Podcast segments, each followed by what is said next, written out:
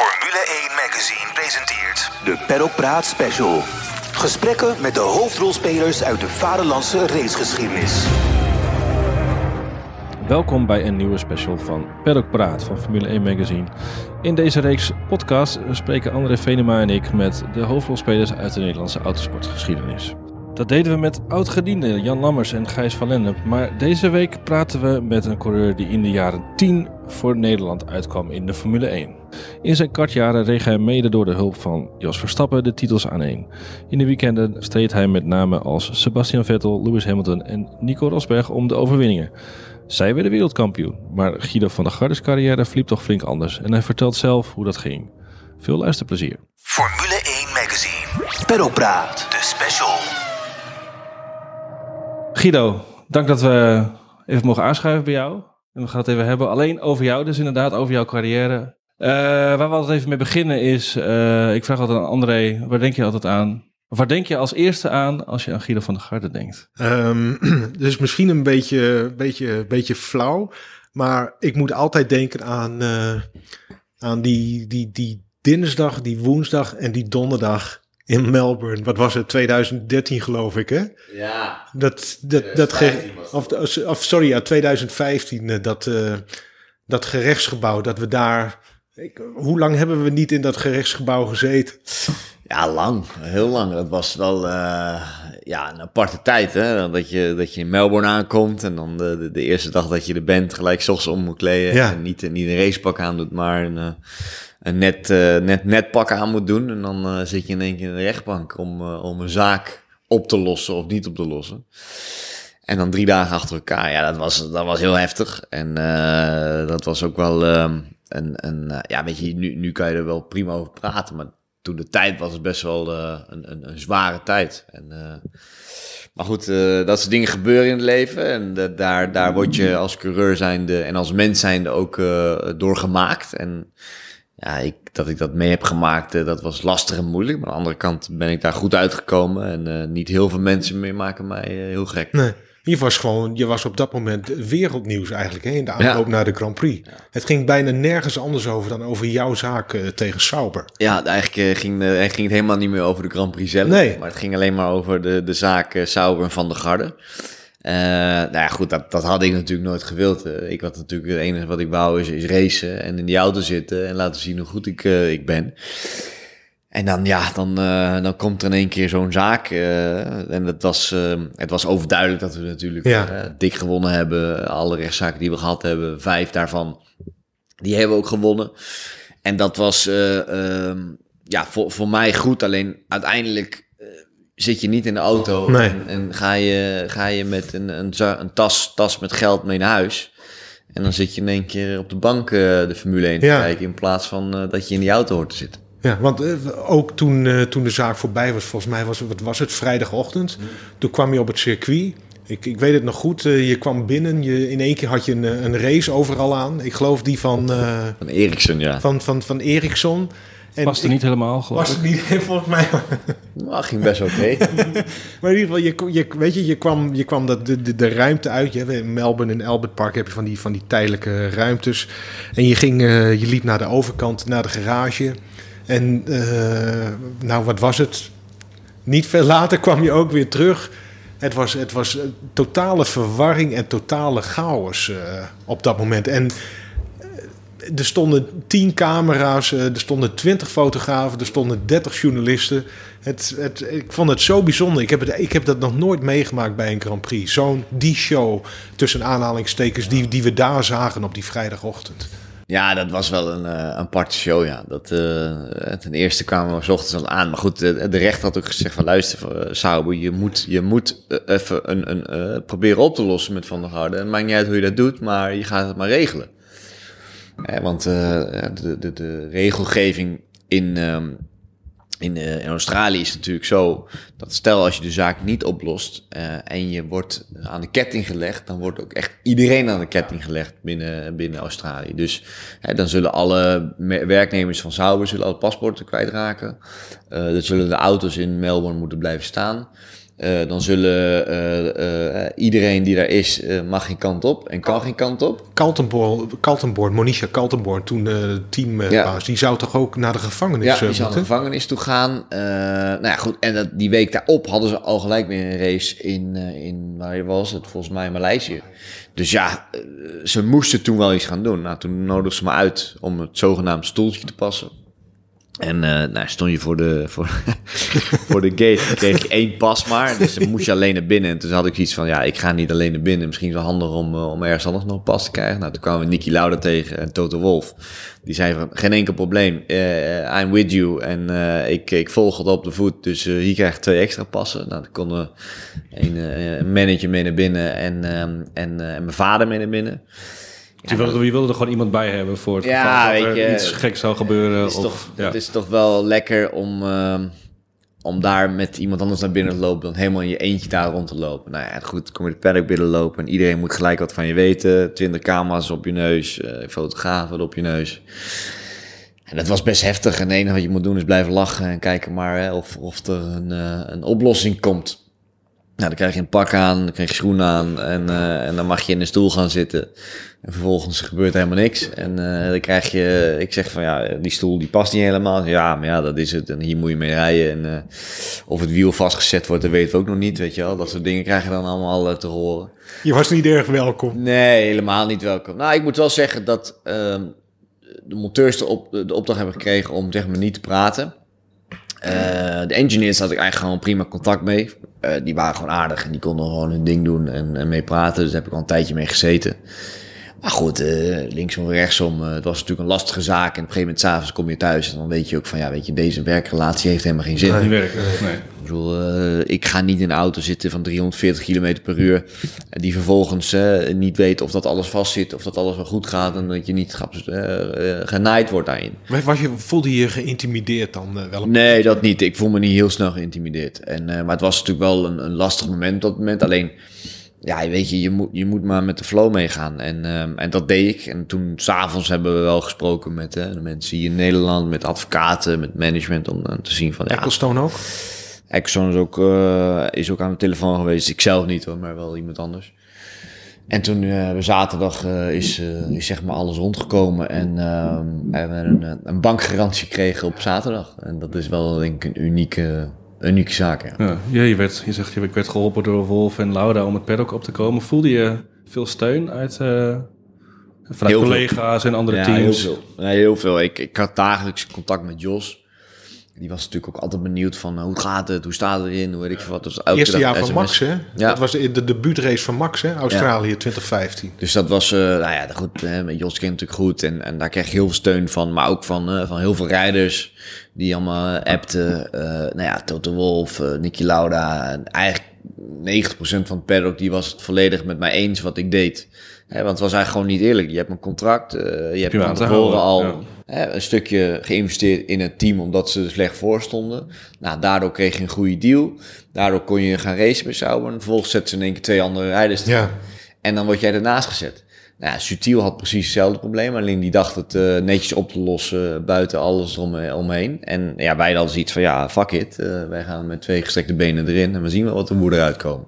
Nou, uiteindelijk zijn we er goed uitgegaan. Alleen, ehm, ja, mijn racecarrière was binnen de Formule 1 wel voorbij. Ja. Waaraan, waaraan merkte je dat? Krijg je daar signalen van? Nou, ja, kijk, Het is natuurlijk nooit goed dat je zo eh, eh, te sprake komt. ja, dat Maar- weet ik niet, omdat dat hè, Ja en dat nee, ja. 90% met je, met je eens is. Ja, En die zien ook van, eh, dat je gewoon die zaak gewoon op eerlijke manier gewonnen hebt. Alleen, ze weten ook van, ja, fuck, als ze een probleem krijgen met die lui, dan gaan ze... Guido moet je niet, eh, eh, nee, dan gaan ze er met een gestrekt been in. Don't Dus- mess with Guido. ja, maar dat, dat, dat, zo'n zo'n naam krijg je natuurlijk wel. En moet ook niet vergeten, je bent ook wel op een redelijke leeftijd. Ik was toen 30, 90 tot 30 was ik toen. Ja, en dan eh, als je een jaar weer eruit bent en dat jaar daarvoor had je natuurlijk alleen maar getest, had je ook niet geraced, dan... het was ook echt de laatste. Ja, dat was, dat, dit was eigenlijk echt de laatste kans om het te laten zien. En waar ik wel van baal dan, dan ga je naar huis toe, dan zit je in het vliegtuig en dan kom je aan in Dubai en dan zie je in één keer de resultaten, vijfde en achtste. Dan denk je, Ja. holy shit, Ja. wat, hoe de fuck, weet je wel? Waarom, waarom nu dit weer? Waarom gaat zo'n auto nu precies, als jij in die auto had moeten zitten, zo goed? En eh, la- dus het laatste stuk van het seizoen ging er voor geen meter meer, omdat ze geen geld hadden om te investeren. Nee. Die auto aan het begin van het seizoen was gewoon echt goed. En dat is wel, eh, wel balen, want dan had je punten kunnen scoren, had je in ieder geval nog een keer voor Max kunnen rijden, een mooie battle met hem kunnen hebben. Eh, en dat, ja, dat is wel nog steeds wel een beetje gemist wat ik heb, ja. Ja, dus is die, maar die pijn is, die, die, is, die is wel weg? Of is, Nee, die is blijft weg. die, ja? Die heeft al eh, een jaar, eh, was het wel pijnlijk. Ehm, ik heb ook wel echt in een, eh, een zwart gat gezeten, moet ik eerlijk zeggen. Je komt thuis, je weet niet helemaal wat je moet gaan doen, eh, want je hebt geen ritme meer. Je zou Eh, gaan racen dat jaar, dat was je plan. ja, De agenda was vol. de agenda was vol in Ja. principe. Ja, en, en dan in één keer is de agenda helemaal leeg. En, en eh, ja, ik ben een paar keer op vakantie gegaan. En eh, nou ja, dan, ik, ik wist het helemaal niet. Dus dan, dan het enige wat ik ging doen is een beetje feest vieren. Dus eh, ja, aan de lampen hangen vijf dagen in de week. En eh, ik kwam s ochtends om zes uur thuis. En eh, mijn meisje die, eh, die, eh, die ging toen werken. En die zei, waar kom je nou even vandaan? Ik zei, Ja, dat weet ik ook niet. Maar, alle tenten gezien in Amsterdam. Ik ga slapen. Ik ga de hele dag slapen en morgen ga ik weer op stap. Nou, dat heb ik twee maanden gedaan. En toen zei iedereen, volgens mij gaat het niet goed met je. Je moet een beetje hulp gaan zoeken. En toen ben ik bij een goede coach gekomen in Amsterdam. En die heeft mij daar wel op, op weg geholpen. Om toch weer in te zien van, hè, je hebt niet alleen maar talent om te racen, maar je hebt ook andere talenten. En die moet je ja, vinden en zoeken. En dat is nu eh, goed gelukt. En eh, ik ben ontzettend happy wat ik nu doe. En ik doe leuke dingen, ik heb een leuke familie. eh, en alles gaat, gaat eigenlijk fantastisch. Ja, Je zei ook, ik wilde heel graag laten zien hoe goed ik ben. Je bent eigenlijk de eerste nog actieve coureur die we voor deze rubriek spreken. Maar kijk je al, al vaak terug eigenlijk? Is dat, doe, je, doe je dat regelmatig of ben je toch vooral hier en nu? Mm, Nou, ik kijk niet heel vaak terug, moet ik eerlijk zeggen. Ik weet je, dat heeft, dat heeft weinig Het is zin. gebeurd, Ik, ja. ik denk dat, dat sommige dingen gebeuren in het leven en die moet je maar lekker laten gaan zoals het is, weet je wel. En eh, kijk, af en toe wil je terugkijken van ja, als dit of als dat, als, als zo en als zus. Ja, eh, ik denk dat je, hoe ik nu terugkijk, dat ik erg trots op ben dat ik Formule heb kunnen halen. Dat ik in het jaar heb, hè, dat ik race sommige dingen heb laten zien eh, die heel goed waren en, en heel apart. Dus ja, dat is voor mij gewoon een bevestiging van, weet je, daar had veel meer ingezeten en, en had zeker gekund. Alleen ja, het is niet gebeurd. Maar je bent wel een van de 16 Formule 1 coureurs ooit geweest. En niet alleen maar die jongen die een paar races heeft gereden, maar ook gewoon die een heel seizoen heeft gereden.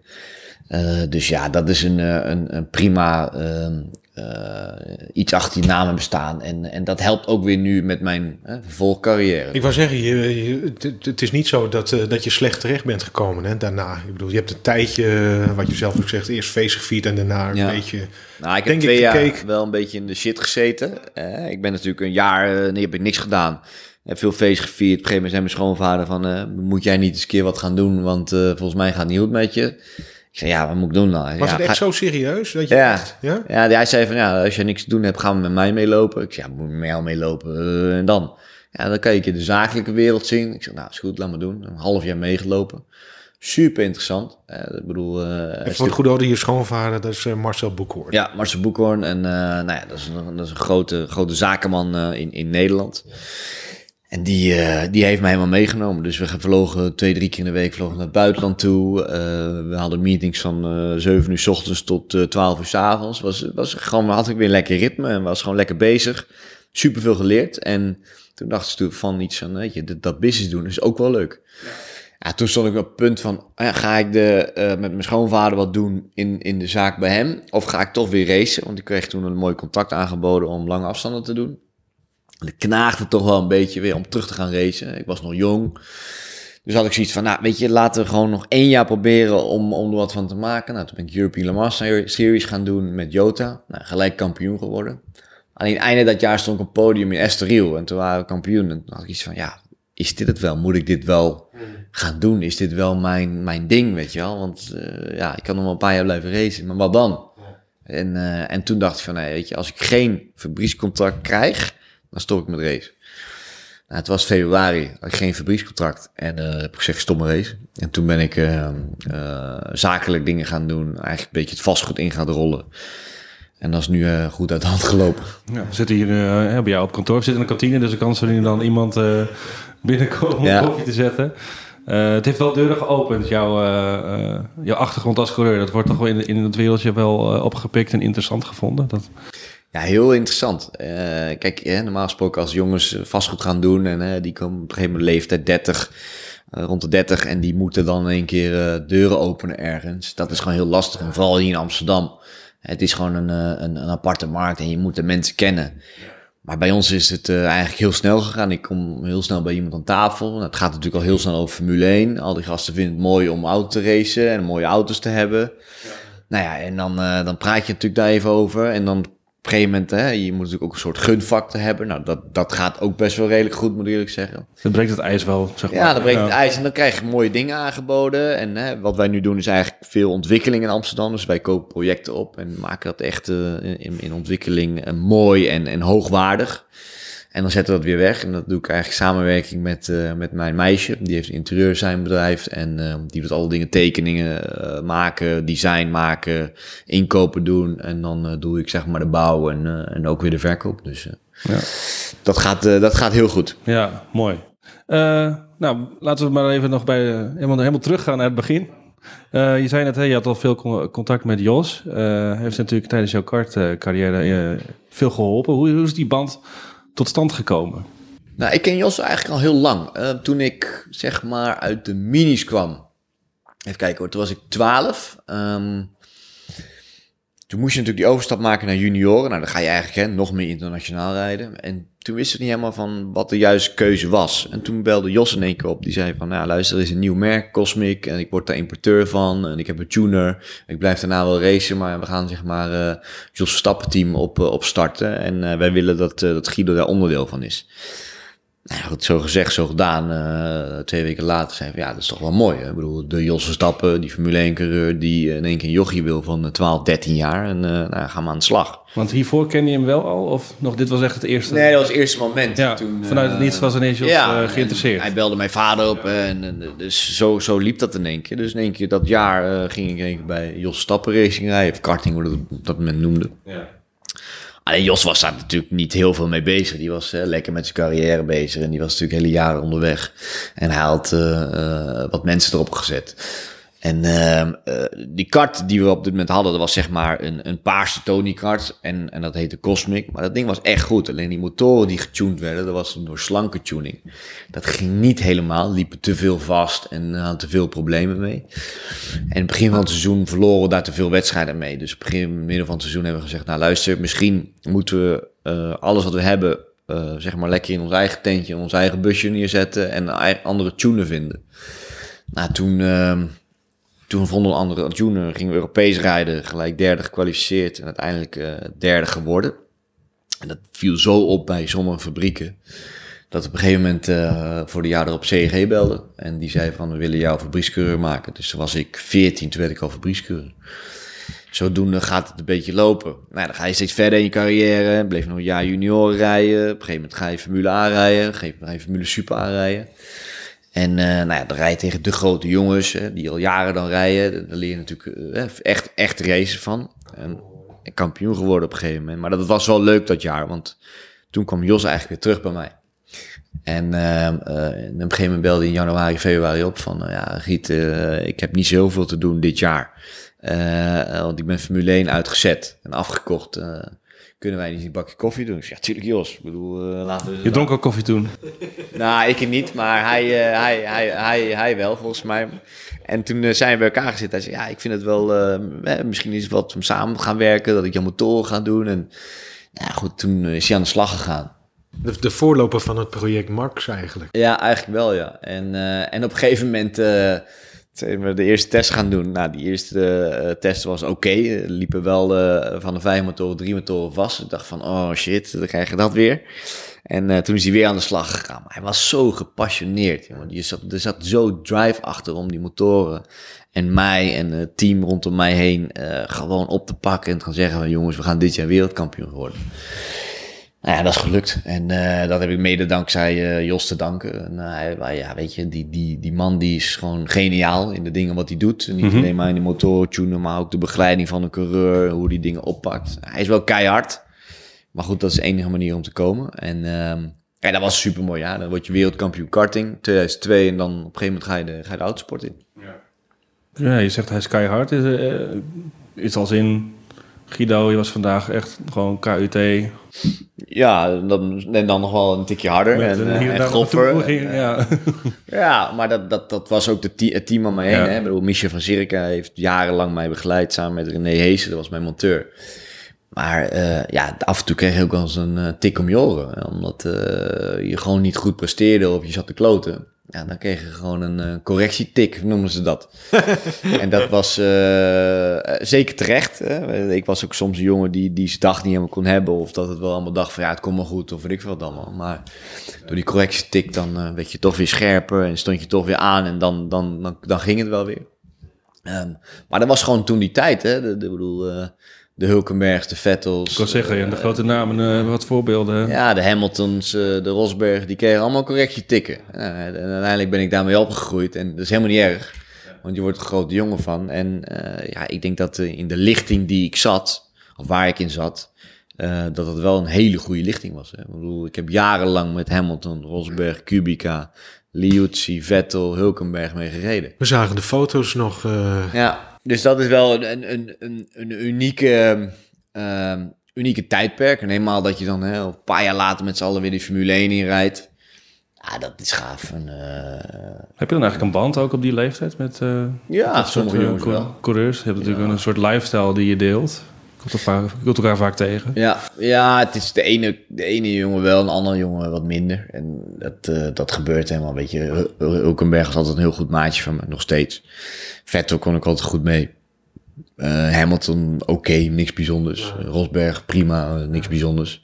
Kubica, super vent. Echt, echt een wereldgozer. Dus ja, de ene heb je wat meer mee dan de ander. En dat, dat Ja. zal je altijd houden. Was die, die rangorde die je dan nu eh, uiteindelijk hebt hè, in de Formule 1, was dat toen al iets van zichtbaar? Of Was, was, waren Vettel en Hamilton en Kubica ook echt de allerbeste destijds? sprongen die er alle Eh, bovenuit. In, in de junioren was Kubica echt de beste. Ja. Ja, die sprong er echt bovenuit. In de Formule A was Hamilton, die sprong er bovenuit. En de Formule Super sprong ik er weer bovenuit. Dus dus het was een beetje, eh, ja, de, de ene jaar was die, de andere jaar was die. Maar je zag wel dat de groep altijd heel hecht was. En dat ze altijd top 10 wel reden. En het ene jaar had natuurlijk hè, diegene wat beter materiaal dan die ander. En Mhm. dan konden ze wat, wat, wat meer dingen laten zien. Dus ja, dat is, uiteindelijk is dat in de karting wel belangrijk. Hè, wat voor Ja. materiaal je hebt. En eh, daarom, Hamilton had het al vaak aan dat, zie je, dat hij dan altijd met een mindere kart reed.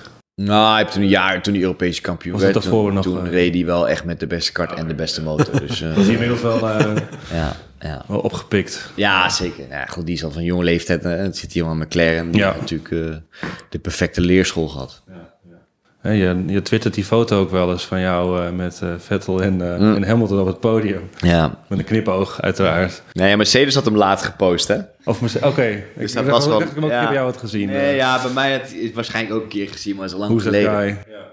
En, eh, en eh, Mercedes had hem laatst ook gepost. En die hadden ze mij eraf gekat. dus ik had een tweet gezegd, eh who's that guy on the other side? Ja. Ja. hadden ze wel gezegd, I'm sorry Guido, next time we put you on the picture. Dus Ja. dat was wel lachen. Maar ja, dat zijn mooie momenten. Dat zijn, eh, ik denk dat, dat juist hoe ouder je wordt nu, hoe meer je het gaat waarderen wat je eh, allemaal gedaan hebt. En met wie je geraced hebt. En hoe die jaren allemaal zijn gegaan. Ja. Zat je, sorry, ja, zat je er destijds ook echt zo dichtbij bij die twee? Stond Ja. destijds op het podium wel, hè, op die foto, maar Ja, ik, in ik, hoeverre zegt dat iets over de Ik verhoudingen? lag toen eigenlijk die race lag ik de hele race op kop. En net de laatste drie ronden waren mijn banden helemaal gort. Toen kwam eh, Hamilton kwam er voorbij, toen werd ik tweede. En eh, ja, het, was altijd een mooie battle tussen ons allemaal. En Ja. Vettel is natuurlijk uiteindelijk mijn teamgenoot geweest binnen, binnen ASM. Hè. En dat was toen eh, ASM, dat heet nu ART. Maar ehm, dat was gewoon een heel sterk team. Daar had je die Resta, daar had je eh, Kobayashi en je had je Vettel en ik. Ja, dat was zo'n unieke combinatie, want iedereen had zijn sterke punten. Ja, maar we zaten altijd wel binnen 1, 2 tiende. Er zat nooit meer tussen. En de ene circuit ging ik harder, en de andere circuit ging zij harder, en de andere circuit ging eh, die, die Japaner in één keer keihard. Waar was je goed in? Ehm, Of beter in dan de andere? nou, ik denk dat, dat, dat de combinatie van de vier, als je dat zeg maar één rijder maakt, dan heb je zeg maar waarschijnlijk de Max Verstappen of het- de, de, het ultieme eh, rondje. Want grappig was dat Vettel qua remmen heel goed was. Die kon altijd heel laat remmen en die had een speciale techniek daarin om rechtdoor te remmen en dan pas te draaien. Mijn techniek was zeg maar ehm, medium speed eh, in de medium speed bochten. dat, daar was ik uniek in, want daar, daar, eh, daar, ik iedereen mee weg. En dan had je de, de, de, de gek, die Japaner, die was high speed. Heel goed, want die, die duikte erin omdat hij eh, niks zag, weet je, met zijn ogen. En, eh, en dan was die Resta, die was eh, ook high speed en low speed weer heel goed. Dus weet je, als, als er soms een ronde bij elkaar gezet wordt, dan zat er wel eens drie tiende, drieënhalf tiende tussen, tussen iedereen, om, om nog sneller te gaan. Dus hebben we van elkaar denk ik heel veel geleerd. En, ehm, en, en vooral de tweede, eerste helft van het seizoen ging ik niet goed. Want ik was thuis een beetje opgezeikt. Mijn ouders gescheiden, schoonouders gescheiden. Dus dat ging een beetje slecht. Maar tweede helft van het seizoen, hè, toch de pol gehaald op de Masters. Eh, nou goed, als je dat rijtje ziet, dat was wel een, eh, ook een leuk rijtje waarvoor je stond. Uiteindelijk baal ik nog wel eh, dat ik hem niet gewonnen had. Dat ik met start half bleef stilstaan. Maar goed, dan word je ook tweede. En, en toen nog een paar races gewonnen. Dus dat was wel een mooi seizoen. Paul Di Resta. Die heb, je, die heb je ooit toch een keer een klap verkocht? Mm. Ja. Ja. ja, dat was in, eh in Nürburgring. En ehm, eh, ik lag daar aan kop. En de laatste ronde eh Rossi me vol eraf in de chicane. Dat was jouw teamgenoot dus Dat was daar. een team. Ja. Ja. dus, eh, en, en hij reed voor het kampioenschap. was een van de laatste drie races zo. Eh, en ik werd eigenlijk vierde of vijfde of zo. Maar ik was zo kwaad. Dus na de race ben ik naar hem toe gelopen. Hij had zijn helm nog pof. Heb ik een tik op zijn helm gegeven. En volgens mij viel hij over de auto heen en ben ik weggelopen. En uiteindelijk heb ik eh, Herbie Blush gebeld en gezegd van... ja, luister, die gozer moet gedisqualificeerd worden wat hij gedaan heeft. Ja, ik ga even kijken. Een half uur later, boem, werd hij van het podium afgehaald. en werd hij achteraan gezet. En toen eh, Was het kampioenschap ook weer verder was het kampioenschap... eh, was, nou, hij is uiteindelijk wel kampioen geworden, omdat Vettel het verneukte. Maar ik had het Vettel wel meer gegund, ja. Ja, misschien, je komt de, die rest daar ongetwijfeld weer tegen bij de Nederlandse Grand Prix, hè? Ook Waar dat. jij, eh, waar jij de interviews gaat doen, toch? Ja, maar ook dat. En eh, ik kom hem natuurlijk in het WEC tegen. Hè? Want Ah, hij ja, had ja. ook LMP2 bij United. ja. eh, dus... eh, No hard feelings. Nee, we gaan prima met elkaar om. Maar het zal nooit mijn beste vriend worden. Ik vind het een prima aardige gozer. En eh, in Austin reken ik hem na vijf ronden reken ik hem al buitenom voorbij. Dus eh Zwaai je toch even. Ja, hey. nee. dickhead, weet je wel. En wat ik nog even benieuwd naar was, ik las iets over eh, toen je bij Van Amersfoort reed, eh, reed je op een gegeven moment in Donington Park. Daar werd een race onderbroken terwijl je aan de leiding lag. En daar werd je uiteindelijk tweede en er werd alleen het resultaat van eh, vanaf de safety car, of vanaf de neutralisatie werd genomen. En daar was je ontzettend kwaad over, maar dat bracht je tegelijk ook op een bijzonder pad.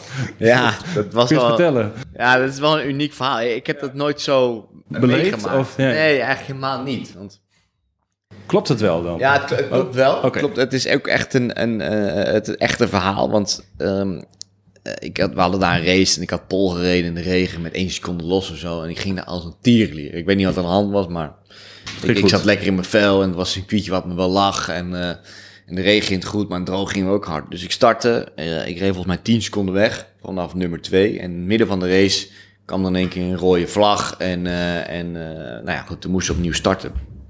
Alleen toen met start ging niet helemaal lekker. En het team zei al tegen mij, het maakt niet uit, je hebt die 10 seconden voorsprong. Die twee races worden bij elkaar ge- gezet. Dus ja, als je nu tweede wordt, forget it, want je staat alsnog eerst op het podium. Dus ik sta op het podium, te wachten. Kom maar met die en op een gegeven moment tweede plek, Guido van der Harde. Ja, What the fuck? Dus ik loop echt naar boven. What, what- what's this? What's going on? Ja, ja, the only uh, count was the last race. Ik zeg, holy shit, ik stond podium. Het podium afgelopen. Ik heb geen champagne gespoten. Heb ik dat ding, up, zo de kliko ingeflikkerd. De beker. De beker, ik zeg van, dat ding hoef ik nooit meer van mijn leven te zien. En, eh, en drie maanden later hadden we, of tenminste twee maanden later, hadden we een contract getekend bij Renault Driver Development. En het team waarvoor ik reed, daar ging ik toen naartoe. En die gaf mij eh, de beker in één keer zo terug. De signature, die, zat, die, die broer daarvan, die werkte toen bij de organisatie van, eh, van, de, van de Renault eh, comp- Competition, van de European eh, Competition. En eh er stond in één keer die beker klaar. Dus "Ja, hoe komen jullie hier aan? Ja, ze, ja, dat vond ik een beetje lullig omdat dat ding uit eh, in de prullenbak werd geflikkerd. Maar hier heb je in ieder geval terug. Dus ik heb hem nu thuis staan. en eh, ja, daar heb ik wel uiteindelijk een mooi, mooi contract van. eh, van Ja, want we zagen daar, eh, nou ja, er zit gif in, eh, in die jongen. Dat zit wel Ja. goed. Ja, dus daarom hebben ze waarschijnlijk ook... eh, nou, een, week, een week later belden ze al van luister, we willen jou graag hebben. Dus, eh, Ja, ja. Klopt het dat jij later zelf ook weg bent gegaan Ja. weer bij die Renault? Dat is, ja, toch? ja. Want je... Ja, de conflict. Ik had een conflict en ehm, eh, ik ben op een gegeven moment, hè, we hebben daar een contract getekend. Dan teken je best wel een heftig Ja. contract. Die hebben we natuurlijk helemaal la- na laten checken. Het was een, eh, een tienjarig contract. Zo. Dat is best wel heftig, maar goed, ze betaalden wel alles. Eh, je kreeg ook een, een klein stukje salaris daarvan. Alleen je moest wel presteren. Alleen wat zij deden, zij de- eh, deden natuurlijk niet één, twee jongens, maar ze deden zes, zeven Ja, jongens. ja. Dus eh, het was best wel een, een grote competitie. En op zich was het een goed jaar, een beetje ups en downs. Hè. Ik denk dat de stap van Formule Renault naar Formule 3 eh, was oké voor mij. Alleen waarschijnlijk iets te vroeg. Ik denk dat ik nog, een als je terugkijkt, misschien een jaar Formule Renault had moeten doen om kampioen te worden. En dan pas die overstap te maken. Maar goed, hè, als je zo'n aanbieding krijgt en je denkt zoiets van, eh, kom maar op, eh, ik, kan het. Maar het ging een beetje up en down. Het begon heel goed en wat minder. En toen kwam het weer terug. En toen begon het ook weer wat minder. En het einde was het weer heel erg goed. Ehm, alleen het team binnen de Renault, was dan eh, Bruno Michel, die nu de eigenaar is van Formule 2 en Formule 3. Die zei van ja, we weten het niet helemaal, we weten niet of je gaan verlengen. Ik ja, eh, tot wanneer wil je wachten dan? Ja, tot volgend jaar april. Ja, ik, maar tot volgend jaar april, als je dan een keuze maakt, of maart, dan, dan begint het seizoen weer net. Als je dan nee zegt, dan zit ik zonder niks. Eh, dan heb ik niks. Hoe, wil je, hoe zie je dat dan? Ja, ja dat weet ik ook niet. Ik zeg, nou ja, dan laat het contract maar beëindigen. Oh, eh, ja, oh, eh, dat hebben we nog nooit meegemaakt. Ik zei, nog nooit meegemaakt. Ik ga niet zitten wachten tot, totdat jullie een keer een beslissing maken in maart, omdat je een betere rijder kan krijgen. Of weet ik veel zoiets. Dus toen hebben we, in november hebben we contract eh, ondertekend van, dat het beëindigd werd. En toen ben ik gewoon lekker zelf verder weggegaan. Ja, niet lang daarna heb je ook je eerste meters geloof ik gereden, toch? In een, eh, in een Formule 1 auto, een test bij Oguri. Ja, dat was pas later, maar eh, ja, dat, dat waren sommige keuzes die niet helemaal goed uitgepakt waren in, in, eh, in mijn carrière. Nee. Ik wil het eerst even heel graag hebben over die eerste meters in een Formule 1 auto. Kun je dan eens opschrijven wat er dan Mm, met je gebeurt? nou, je verwacht niet wat er gebeurt. Je weet natuurlijk wel dat zo'n ding echt, echt hard gaat. Zeker toen nog, hè?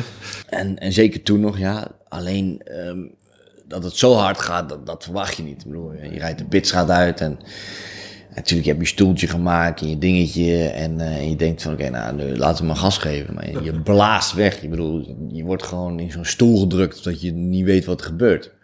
Dus de impact is, was zo groot. En het waren jammer genoeg maar vier rondjes en toen moesten we weer naar binnen. Dus eh, dat, was wel, eh, dat was wel jammer, ja. Maar is dat meteen verslavend als je in zo'n auto zit? Zeker, zeker. Ja, het is gewoon de ultieme kick. Hè? De, de, de snelheid, hoe laat je kan remmen, hoeveel power je hebt, hoe hard je door zo'n bocht heen kan. En het rare was eigenlijk, wat, wat ik het meeste eh verpante wa- vond, was de stuurbekrachtiging. Wat voor mij de eerste keer was met stuurbekrachtiging. Dus en normaal gesproken, als je met een formuleauto eh, waar je geen stuurbekrachtiging hebt, dan moet je best wel kracht zetten om, hè, om vooral de snelle bocht, om, om de hoek door te komen. Dus de eerste bocht in, in Valencia moesten we toen testen. Die is best snel. Dus ik kwam aan, stuur in. Oh, fuck. Die zat ik al op het gras. Omdat je niet, dat je denkt van, oh, ik moet eerder insturen. Maar dat, dat hoeft dus helemaal niet, omdat het stuur zo licht is. In vergelijking met normale stuurbekrachtiging is dat... eh, Nou, het is, komt in de buurt. Het is wat een personenauto zo licht is, zeg maar. Ja, ook een echt Formule 1 licht. auto. Dus dat, dat, eh, dat stelt... heel eh, fijn gevoelig natuurlijk. Ja, heel fijn gevoelig. En dat is prima. Alleen je moet wel even wennen, omdat je daarvoor nooit mee hebt gemaakt. Dus Nee. dat was wel een, eh, een stap. Je zei het duurde maar, het duurde maar vier rondjes. Dat was eh, omdat er achter de schermen uh, voor alles aan de hand was. Ja, dat, dat- binnen intern, binnen, binnen uh, Super Guri liep dat niet goed. Nou, er waren een paar Duitsers die dachten van, uh, we kunnen die van de harde erin zetten, maar die hadden echt een zootje van gemaakt. Dus dat, uh, dat werd hem allemaal niet. Nee. We waren eigenlijk een beetje erin genaaid. En nou goed, uiteindelijk wel vier rondjes kunnen rijden. En, en vier rondjes zijn toch vier rondjes. Ja. En uh, het was een mooie auto. En uiteindelijk is dat jaar, dat, die, die, dat, dat jaar is die auto ook gewoon goed gegaan. Hè? Want het was eigenlijk gewoon de, de, de tweede Honda-auto op dat moment. Dus, uh, nou goed, uh, daarna kom je, kwam je weer terecht in een spike. En daar hebben we een paar, paar testdagen voor gedaan. Maar dat was allemaal niet zo serieus, weet je wel. Ik, ik zat eigenlijk nog midden in de carrière. En ik moest mij nog steeds in de single seats onder de Formule 1, zeg maar, laten zien. Mm -hmm. en, um, en toen kwam eigenlijk 2008... En uh, dat was zeg maar de, jaar van de waarheid. Want ik heb ook tegen iedereen gezegd van luister jongen, dit, is, dit, dit moet jouw laatste jaar zijn en hier moet je presteren. En je moet je zorgen dat, uh, dat je kampioen wordt. Want anders dan, uh, ja, dan moet je gewoon in de spiegel kijken en misschien iets anders gaan doen. En eh, nou goed, dat, dat jaar was waanzinnig. Eh, alles eruit gehaald wat erin zat. Ik was super fit, eh, super goed team. eh, alles draaide fantastisch. eh, vijf, zes overwinningen dat jaar. En dik kampioen geworden. Ehm, eh, en dus ja, dat, toen, toen begon het eigenlijk een beetje te draaien. Formule 1 Magazine. Peddelpraat. De special. Het wachten is voorbij. Het nieuwe Formule 1 seizoen staat op het punt van beginnen. Of het is al begonnen. Het hangt er net even vanaf wanneer je luistert. Formule 1 Magazine is als enig blad in Nederland aanwezig bij alle races op de kalender. Wij bundelen onze interviews, achtergrondverhalen en de mooiste foto's in 18 nummers en 3 specials per jaar. Ga naar formule1.nl, word abonnee en mis niets dit seizoen. Peddelpraat. Niet, niet heel veel mensen weten dat wij daarmee bezig zijn geweest. En ik kan het hier wel even klappen, maar wij waren eh, heel dicht bij eh, de tweede stoel van Braun. Waar Barrichello uiteindelijk... eh, Ja. Dus ze hebben Terecht kwam. Barrichello gekozen omdat hij natuurlijk de ervaring heeft en, en eh, de know-how binnen zo'n team. Eh, maar wij waren heel dichtbij om een deal te maken met, eh met Braun. Om, eh, om, dat, om die deal over te nemen. Waar van ging Honda. dat, ging, dat, ging dat alleen om... Want ik bedoel, Braun was natuurlijk een, een privéteam. Dat, dat, dat, er zat nog wel genoeg geld, maar dat was allemaal nog Honda geld. Hè? Hij heeft het team heel, volgens mij voor een symbolisch bedrag overgenomen. Waren jullie ook van plan om dat team dan over te nemen? Ja, Want uiteindelijk heeft. Mercedes dat eh, gedaan. hè? Ja, nou, samen met Bron hebben wij, eh, konden wij die deal doen. Hebben we ook echt, we waren heel dichtbij, echt heel dichtbij. Voor was natuurlijk dat ze mij als tweede rijder Ja. zetten naast Putten. Dus eh, ja, daar baal ik wel van dat het uiteindelijk niet gelukt is. Maar dat was puur alleen maar omdat de deal niet lukte. Ehm, eh, en uiteindelijk denk ik, stel als dat wel gelukt was, dan hadden wij en Rolls Braun en ik, eh, ja, natuurlijk eh dat jaar erop een, een, een eh, Topjaar leuk- gehad. Een, een, ja, sowieso een topjaar gehad, maar ook eh, misschien een leuk zakcentje Omdat zeggen. Mercedes natuurlijk dat team uiteindelijk Ja. over heeft genomen. Dus dat was wel jammer. En toen moesten ze nog een jaar eh, Formule 2 gaan doen. Maar Ketsto iets op af dan? Ja, Is dat eh, puur cijferwerk? Of, eh, ook dat, maar contractueel, eh, zakelijk. eh, er komt natuurlijk zoveel dingen bij kijken. De ins en outs weet ik niet helemaal precies, weet je. Dat, eh, dat is ook niet helemaal mijn ding. Je was ook de coureur in, in, in, die, in, die, in die zin. Ja, daarom. je had, en, ik, ik stond te popelen in, in, in december, januari van holy fuck, als dit echt gaat gebeuren, moet ik aan de bak. Dan was jij misschien al de eerste Nederlandse Grand Prix winnaar geworden. Ja, dat zou maar gekund. Maar Ja, die auto, die auto, die was ging zo als een goed. tierenlier dat jaar. je had natuurlijk wel Button gehad als teamgenoot, maar goed, als je een keer een slechte Want dag op dit, had mo- gehad. op dit moment was het toen al duidelijk dat zij iets... eh, Nee, dat was met die dubbele diffuser. Ja, ja, maar dat was was op het. dat moment nog niet bekend natuurlijk. Nee. Nou, intern Ja, was Of het intern ja, ze wel eh, iets van, nou, we hebben nu iets Ja, bedacht. intern Ja. zei ze ook van ja, volgens mij hebben we een auto en vooral met de krachtbron van Mercedes en het hele plaatje klopt gewoon. En toen hebben ze de eerste test overgeslagen Ja, en de en tweede de tweede keer, test, de eerste waar- ronde dat ze reden, boem. We dachten iedereen van, wat de fuck is dit? gebeurt hier? Ja. Ja, dus, dat was sick, ja. Dat was een gemiste kans. Maar ja, goed. Of nou ja, nee, dat was, was natuurlijk gewoon dichtbij. Ja, maar goed, dat soort dingen. Kijk, weet je, dat, dat, dat, dat soort dingen gebeuren en die maak je mee. En dat, het blijft wel een apart verhaal. En eh, ja. als dat geluk was, was eh, ja, dan had, het, eh, had mijn carrière waarschijnlijk nu anders uitgezien. Want vier jaar later kwam je uiteindelijk toch in de Formule 1. Caterham. Ja. Tony Fernandes. Ja, Eh, ik weet nog dat we... In Kuala Lumpur ben ik een dag met je mee geweest. Ja. Eh, toen, zag, toen, zag, toen zag ik eigenlijk ook echt hoe, hoe, hoe, populair, je, hoe populair je was. Het was een, er was een gekkenhuis eh, die dag. Dat jaar, is dat, is dat uiteindelijk toch het mooiste jaar geweest? Is misschien een beetje een flauwe vraag, maar is dat het mooiste jaar geweest... ondanks het feit dat je natuurlijk niet echt een eh, competitieve auto had? Ehm, nou, ik denk dat puur gezien, eh, kijk, hè, de, de, de- wat je allemaal meemaakt en hoe zo'n Formule 1 gaat. En, Het is een heel ander leven weer dan een Formule 2. Zeker, het is echt een hectisch leven. Er komt heel veel bij kijken en, en, en je moet echt hard werken. En niet alleen maar fysiek, maar ook veel met het team. En zorgen dat we stappen maken. Je bent veel in de simulator daar, dus je bent constant weg. Constant reizen. En daar, daar, hè, daar moest je natuurlijk wel een beetje aan wennen. Maar aan de andere kant, eh, het is de eh, ultieme droom die je kan en mag doen. Dus uiteindelijk is het natuurlijk wel fantastisch dat je, hè, dat, dat, dat, dat je dat hebt mee kunnen maken. En ik denk zeker wel dat dat een van mijn mooiste jaren is geweest. Eh, ik denk overigens ook dat 2008 voor mij een heel mooi jaar is geweest. Omdat het toen eigenlijk is gaan lopen. omdat dat toen de, het breekpunt was wel of niet. Beslissende jaar, min of meer. en, ehm, eh, maar goed, kijk, eh, al met al, Formule 1 was natuurlijk geweldig, fantastisch. Alleen het jammer was natuurlijk, hè, je reed in een auto die niet goed genoeg was. En waar jij altijd 3,5 tot 3 seconden langzamer mee was. En dat je naar 25 ronden al een blauwe vlag kreeg, waar je teamgenoot van vroeger, Vettel, die net zo snel was als jij, eh, voorbij kwam jagen. Ja, dat- was de eerste paar races, was dat echt gewoon heel lastig voor mij. Ja, is, dat, is dat geestelijk dat jij denkt van verdomme, daar rijdt hij. Ja. Weet je, waar ik een paar jaar geleden nog mee reed. En Ja. nu, Ja, en dat is moeilijk. Dat, daar moet je wel een knop eh, omzetten. En dat, dat, dat heeft wel even geduurd. Op een gegeven moment, als je dan wel begint te snappen, dan weet je van, oké, luister, de enige grote concurrentie die ik heb, is mijn teamgenoot. En die moet ik verslaan. Nou, in de tweede helft van het seizoen heb ik hem denk ik alle hoeken van de kamer laten zien. En, eh, en had hij eigenlijk weinig kansen met mij. Ja, af en toe in kwalificatie stond hij ervoor, maar vrij weinig in de races. Dus eh, toen is het ook echt goed gaan lopen. En toen, heb ik, toen, toen zat ik ook lekker in mijn vel. En, en dan ga je teamgenoot verslaan. En dan, dan weet je van, oké, het zit erin. En dan, goed, dan krijg je een keer een leuke kwalificatie in, in eh, Monaco. Hè, dan zet je hem een keer in Q2.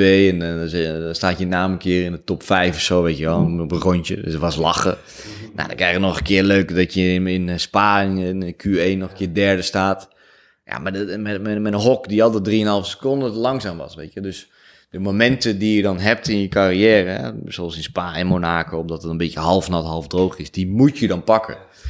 En dat, ja, dat, dat is dan, ja, ik weet niet of dat talent is, misschien een beetje geluk, maar eh, dan moet je Monaco er eindigde met Maldonado, geloof ik, hè? Monaco. Was dat niet? Die Ja, botsen- botsen Monaco met- gingen we over elkaar heen. Dus ik vloog over, mij, over hem heen en hij weer over mij heen. En uiteindelijk moest ik een nieuwe neus halen, heb ik die uit de race nog uitgereden. Eh, Oh ja, En Spa eh, ben ik wel van Maldonado geëindigd. En, eh, dus dat was wel, eh, dat was wel ook wel een type, toch? Ja, ja, maar we- we- wel echt een leuke gozer. Ja. Ja, ik heb er altijd ik heb toch wel een zwak voor ergens. Kijk, hij werd natuurlijk altijd als een idioot. Hij, was wel, hij, was wel, hij was wel misschien wat, wat, wat onrustig, maar ik bedoel, hij kon wel sturen. Hij kon echt sturen. Ik bedoel, je kan niet vanuit het niks een race winnen. En die, die jongen heeft gewoon een, Formule 1 race gewonnen. Ik bedoel, ik zal er nu voor tekenen. Eh, alleen ja, hij Omdat was... die hele race, hele, Alonso de hele race achter zich gehouden. Daarom. hè? Dus, het is, dus die gozer kan echt wel gas geven. En de Formule 2 ook. Je wordt niet voor niks kampioen. Dus, eh, eh, nee, maar ik heb al een zwak... Ik bedoel, ik ken hem natuurlijk wel van de karting. En het was een, een, een mooi mannetje. En altijd als we elkaar zien, dan geven we elkaar een knuffel. En ja, dat is toch een speciale connectie of zo. En eh, ik vind het jammer dat hij eh, nu de LP2 uit is. Want de afgelopen paar jaar hebben we natuurlijk met hem geraced. En eh, ik sprak hem toevallig nog een paar weken geleden op de app. En hij is volgens mij weer lekker bezig. Dus ik hoop dat hij binnenkort weer terugkomt. Dat we met hem kunnen gaan racen. Het is ergens wel oneerlijk dat hij wordt niet altijd als, als voorbeeld gesteld van... eh, nou, als, iemand, als ook maar iemand tegen iemand aanrijdt, dan krijg je in de posts of in de reactie... Crash Store, Crash Store was zijn bijna. Een Ja. Maldonado grap. Ja, nou ja, ik zal nu eerder een Grosjean grap gaan maken. Dat is echt veel leuker.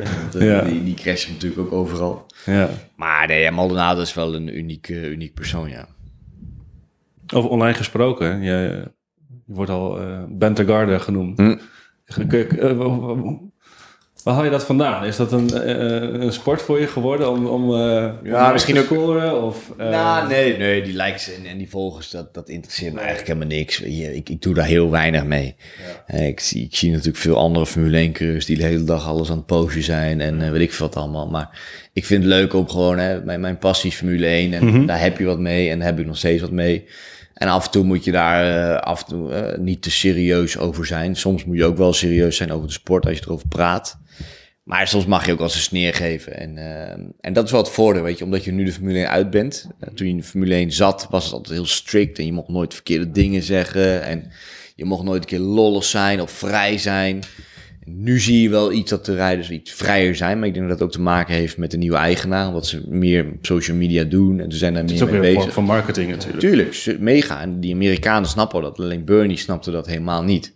Alles werd, werd afgeschermd en je mocht nooit een keer lollig doen. En ik ben best wel een lollig persoon, persoon en ik hou van humor.